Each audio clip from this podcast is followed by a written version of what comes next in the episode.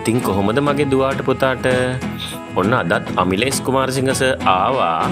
ඔයාලට ඉංගලිෂින් Sinhala kids edition එකේ එපිසෝඩ් නම්බ ලෙවන් අරගෙන. ඒ කියන්නේ අපිට අද තියෙන්නේ එකොළොස්වෙනි එපිසෝඩ් එක. මං ඔයාලට දහවිනි එපිසෝඩ් එකෙන් මගේ දුවේ පුතේ කියලා දුන්නා. අයිමී මයිමයින් මයිසෙල්් කියන ප්‍රෝනවුන් චාට් එක. ඉතින් පුතේ අදනම් මං අසනීප තත්ත්වයක් එක්ක ඉන්නේ. ඒත් මගේ දූපුතා අමතක් කරන්නේ මං මගේ දූට පුතාට පොරොන්දු වෙච්ච පරිදි හැමදාම ඔයාලට එපිසෝඩ් එක ගාන ගේනවා. ඉතින් මගේ දුවේ පුතේ අපි එහෙනම් අද ලෙවන්ත එපිසෝඩ් එක අහමු නේද? ඉංගලිෂින් සිංහල කිඩ්ස් එඩිෂන් එකේ ලෙවන්ත එපිසෝඩ් එකේ මං ඔයාලට ගේන්න හදන්නේ මගේ දුවේ පුතේ. ඉතාමත් සුන්දර දෙයක්. මොකද දන්නවද? ඉංග්‍රිසි භාෂාව ඉගෙන ගන්න ඔයාට මම කිව්වනේ හරිම වැදගත් වෙන ඔය ප්‍රෝනවුන් chart එක කියලා. එතකොට ප්‍රෝනවුන් chart එකේ මූලික හරය මං ගෙනාවා. පුංචි මතක් කිරීමක් මං නැවතත් කරන්නම්කෝ. මේ ප්‍රෝනවුන් chart එකේ ඔය කොලම් ටික වෙන වෙනම කටපාඩම් කරගන්න. ඔය කොලම් ටික වෙන වෙනම කටපාඩම් කරගන්න එක ඉතාමත් අවශ්‍යයි. ඒ වගේම first person, second person, third person කියන්නේ මොනවද කියන එකත් ඒ වගේම සිංගිලුව පලූරල් වෙන්නේ මොන අවස්ථාවල්දිද කියන එකත් ඔයාලා හොඳින් මතක තියාගට ඒ දේවල් අනිවාර්යයෙන්ම අපිට ඕන වෙනවා. දැන් උදාහරණයක් ඇරෙන මෙහෙම බලන්න. අයි කියන පදේ ගත්තහම ඇම් මිස්සා වලින් අයි එක යෙදෙන්නේ ඇම්. එතකොට හී ෂීට් තුනත් එක්ක e ඊස් යෙදෙන්නේ. ඒ වගේම තමයි BUU දේ කියන හතර දෙනත් එක්ක ආය දෙන්නේ. ඔන්න ඔය ආකාරයට ඒ ඒ කතුරට අදාළව මිසා හැස්හැව් ඩූඩස් ඒ වගේම ක්‍රියාපද යෙදෙන ආකාරයක් තිනවා. එහෙනම් මේ ඔක්කොටම කලින් අපිට පදවර්ගට ඉගෙන ගන්න වෙනවා නේද? අන්න ඒ නිසා තමයි අද 11th එපිසෝඩ් එකේ මම ඔයාලට word classes එහෙම නැත්නම් parts of a speech ගේන්න හදන්නේ. එහෙනම් පුතේ parts of a speech කියන්නේ මොකක්ද කියන එක අපි මුලින්ම සාකච්ඡා කරලා බලමු. parts of a speech කියලා කියන්නේ මගේ පුතේ දුවේ කතාවක ප්‍රධාන කොටස්.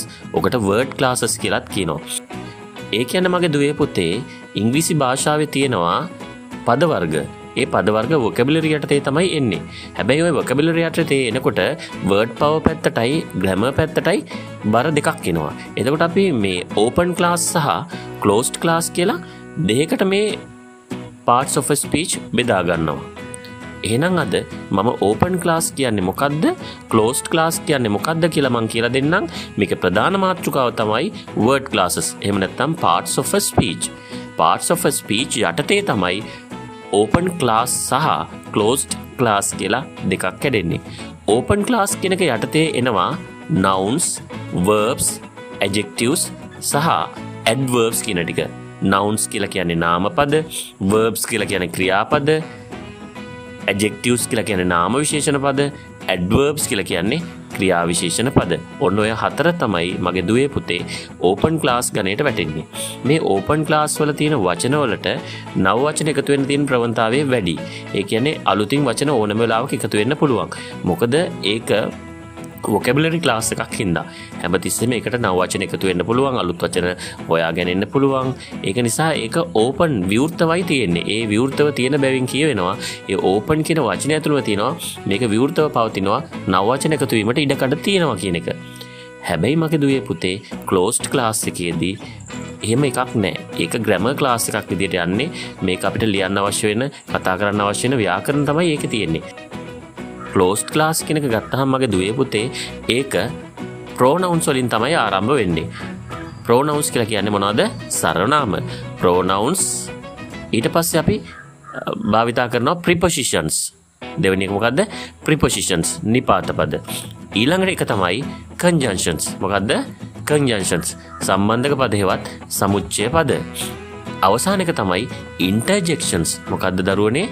ඉන්ටර්ජෙක්ෂන්ස් විශ්මයාර්ථ පද ඔන්න ඔය ආකාරයට ඕපන් ක්ලාස් සහ කලෝස්ට් ක්ලාස් කියලා දෙකත්තිනවා මේ ඕපන් ක්ලාස්ට් කෙනක යටතේදී නවවචන එකතුවීමට තියෙන ප්‍රවන්තාවේ වැඩි. ඒ වගේම තමයි කලෝස්ට් ක්ලාස් කෙන යටතේදී එහෙම නවචන එකතු වෙන තියෙන ප්‍රවන්තාවේ හරිම අඩුයි. ඒක නිසා මතක තියාගන්න මේ ඕපන් සහ කලෝස් ක්ලාස් යටතේ ඕපන් ක්ලාස් වලට හතරකුත් කලෝස් ක්ලාස් වලට හතරකුත් වශයෙන් තමයි යෙදෙන්නේ. හැබැයි ඔයට අමතරව ඩිටර්මිනර්ස් කියලා එකක් තියෙනවා. මේ ඩිටර්මිනස් කියන එක වැටෙන්නේ මගේ දරුවනේ මොකකටද? ඔය ඩිටර්මිනස් කෙනෙක වැටෙන්න දරුවනේ ඇත්තටම කලෝස්ට් ලාස් පැත්තට. මොන පැත්තට කලෝස් ලාස් පැත්තට. එතට ඉන්ටජෙක්ෂන්ස් ඔන්න ඉන්ටජෙක්ෂන්ස් ගැනත් පොඩි ගැටලුවක් තියෙනවා මගේ දුවේ පුතේ. ඔය ඉන්ටජෙක්ෂන්ස් කෙනෙක යෙදිලා තියෙන නම් කලෝස් ලාස් පැත්තේ. හැබැයි මට හිතෙනවා ඕපන් ලාස් වලටත් පොඩි සමානකමක් තියෙනවා කියලා. ඒක නිසා මං ඕක පොදු කාණ්ඩයක් ඇතුළේ තියාගන්න කියලා කියනවා ඔයාලට. හැබැයි මම මෙතන උගන්වද්දි මං ඒක ගෙනාවේ දකුණු පැත්තේ. එහෙම නැත්නම් ක්ලෝස් ක්ලාස් කියන පැත්තේදී. මගේ දුවපුතා හොඳර මතක තියාන ඔය ඩිටර්මිනස් යටතේ තමයි ඇන් සහ ද කියන එකක් තියෙන්නේ. ඒ කියන්නේ ඒවා ආටිකල්ස් යටතේනේ. ආටිකල්ස් වල ඩෙෆිනිට් ආටිකල්ස් ඉන්ඩෙෆිනිට් ආටිකල්ස් කියලා තියෙනවනේ. මයි දූපතා දන්න ඇතිනේ. ඒ නිසා ඔය ලෝස් ලාස් පැත්තේ ඩිටර්මිනර්ස් කියලත් තව එකක් තියෙනවා. එක ගොඩාක් වෙලාවට පොතේ පතේ යෙදෙනවා හරි අඩුයි.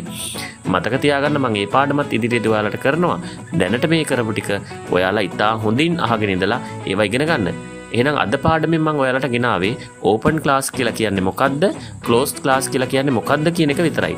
එහෙනම් මගේ දූට පුතාට සතුටු ඇති අලුතෙන් දෙයක් අද ඉගෙන ගන්න අපි පටන් ගත්තා. මේ දේ ඔස්සේ ඔයාලගේ වචන දැනුම සහ ව්‍යාකරණ දැනුම අපි හදාගමු. වචන දැනුමයි ව්‍යාකරණ දැනුමයි කියන දෙකම හදාගත්තාම මගේ දූට පුතාට එච්චර අමාරු වෙන්නේ නැහැ ඉංග්‍රීසි ඉගෙන ගන්න එක. මගේ දුවේ පුතේ අද පුංචි අසනීප තත්ත්වයකුනුත් සර් ඉන්නේ. අමිලස අසනීප තත්ත්වයෙන් හිටිය වුණත් මගේ දූට පුතාට මේ එපිසෝඩ් එක ගේන්න කොහොම හරි කටයුතු කළා. ඒ නිසා මගේ දුව පුතා පොතක් අරගෙන මේ දෙන කියන දේවල් ඔක්කොම ලියාගන්න ලියාගෙන ඉගෙන ගන්න. ඒකෙන් ඔයාගේ අභිවෘද්ධිය සැලසෙනවා. මේ කොවිඩ් වසංගතය අවසන් වෙනකොටම ඔයාට ඉංග්‍රීසි ටිකක් පුළුවන් වෙලා තියෙයි මගේ දුවේ පුතේ. එහෙනම් සෞඛ්‍ය පුරුදු ටික ඔක්කොම නිසියාකාරයෙන් පිළිපදින්න. ඒ වගේම තමයි ආරක්ෂක සේවාවල ඒ වගේම රජයෙන් කියන සියලු දේවල් වලට ඔයාලා ඇහුම්කන් දීලා සුදුසු දේ කරන්න යෝග්‍ය දේ කරන්න ඔයාලා ආරක්ෂා වෙන්න ස්වයං විනය කියන එක අත්‍යවශ්‍යයි කියන එක තමයි අද මගේ අවවාදය. සෑම කෙනෙකුටම ස්වයං විනයක් තියෙන්න ඕනේ. තම තමන් ආරක්ෂා වුණොත් තම පවුල ආරක්ෂා වෙනවා. තම පවුල ආරක්ෂා වුණොත් ගම ආරක්ෂා වෙනවා. ගම ආරක්ෂා වුණොත් නගර ඒ වගේම නේද? පලාත් ඒ වගේම රටවල් රට ආරක්ෂා වෙනවා. රටවල් ආරක්ෂා වුණොත් මුළු ලෝකෙම ආරක්ෂා වෙනවා. ඔන්න ඔය විදිහේ පදනමක් තමයි ඔකට දාන්න තියෙන්නේ. මගේ දූට පුතාට හරි සරලව හිතන්න පුළුවන්. ස්වයම් විනය කියන්නේ ඕනම දෙයකින් ජයගන්න තියෙන හොඳම මාධ්‍යයක්. අපේ රටේ නැත්තෙමත් ඕකනෙමයි පුතේ.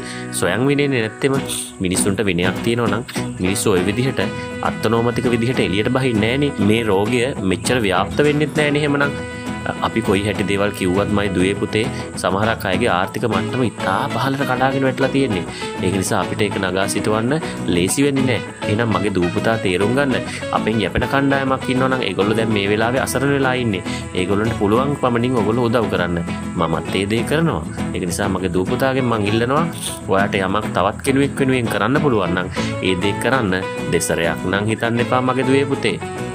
අද මම පැංචට පොඩ්ඩක් එන්න එපා කිව්වා මොකද දන්නවත් මගේ දුවේ පුතේ පැංචා ආවොත් එහෙම මමත් අසනීපෙන් ඉන්න හින්දා පැංචරත් අසනීප වෙන්න පුළුවන්. ඒ නිසා මම පැංචට හෙට එන්න කියන්නම්. මගේ දූ පුතා මා එක්ක තරහ වෙන්න එපා. පැංචව අසනීප කළොත් පැංච පවුනේ. පැංචට අසනීප වුණොත් කෙලේ ඉන්න ඔක්කොම සත්තු ටික අසනීප වෙනවනේ. නේද? ඒක නිසා පැංචට මං එන්න එපා කිව්වා. කෝකටත් හොඳයිනේ. නේද මගේ දුවේ පුතේ? එහෙනම් ඔන්න ඔහොමයි අපි අනිත් අය ගැන හිතන්නේ ආත්මාර්ථකාමී නොවී අනිත් අයත් ගැන හිතලා තමයි අපි කටයුතු කරන්න ඕනේ. එහෙනම් අද දීපු අවවාදයත් ඔයා හොඳින් පිළිගන්නවා කියලා මං විශ්වාස කරනවා. මගේ දූට පුතාට ආයු බොහෝ වේවා කියලා ප්‍රාර්ථනා කරන ගමන් අද මේ එපිසෝඩ් එක මං අවසන් කරනවා. ඔයාලට YouTube එකට ගියොත් මගේ ඔය වීඩියෝස් ටික ඔක්කොම අමිලේස් කුමාරසිංහ කියන නම ගැහුවට පස්සේ බලා ගන්න පුළුවන්.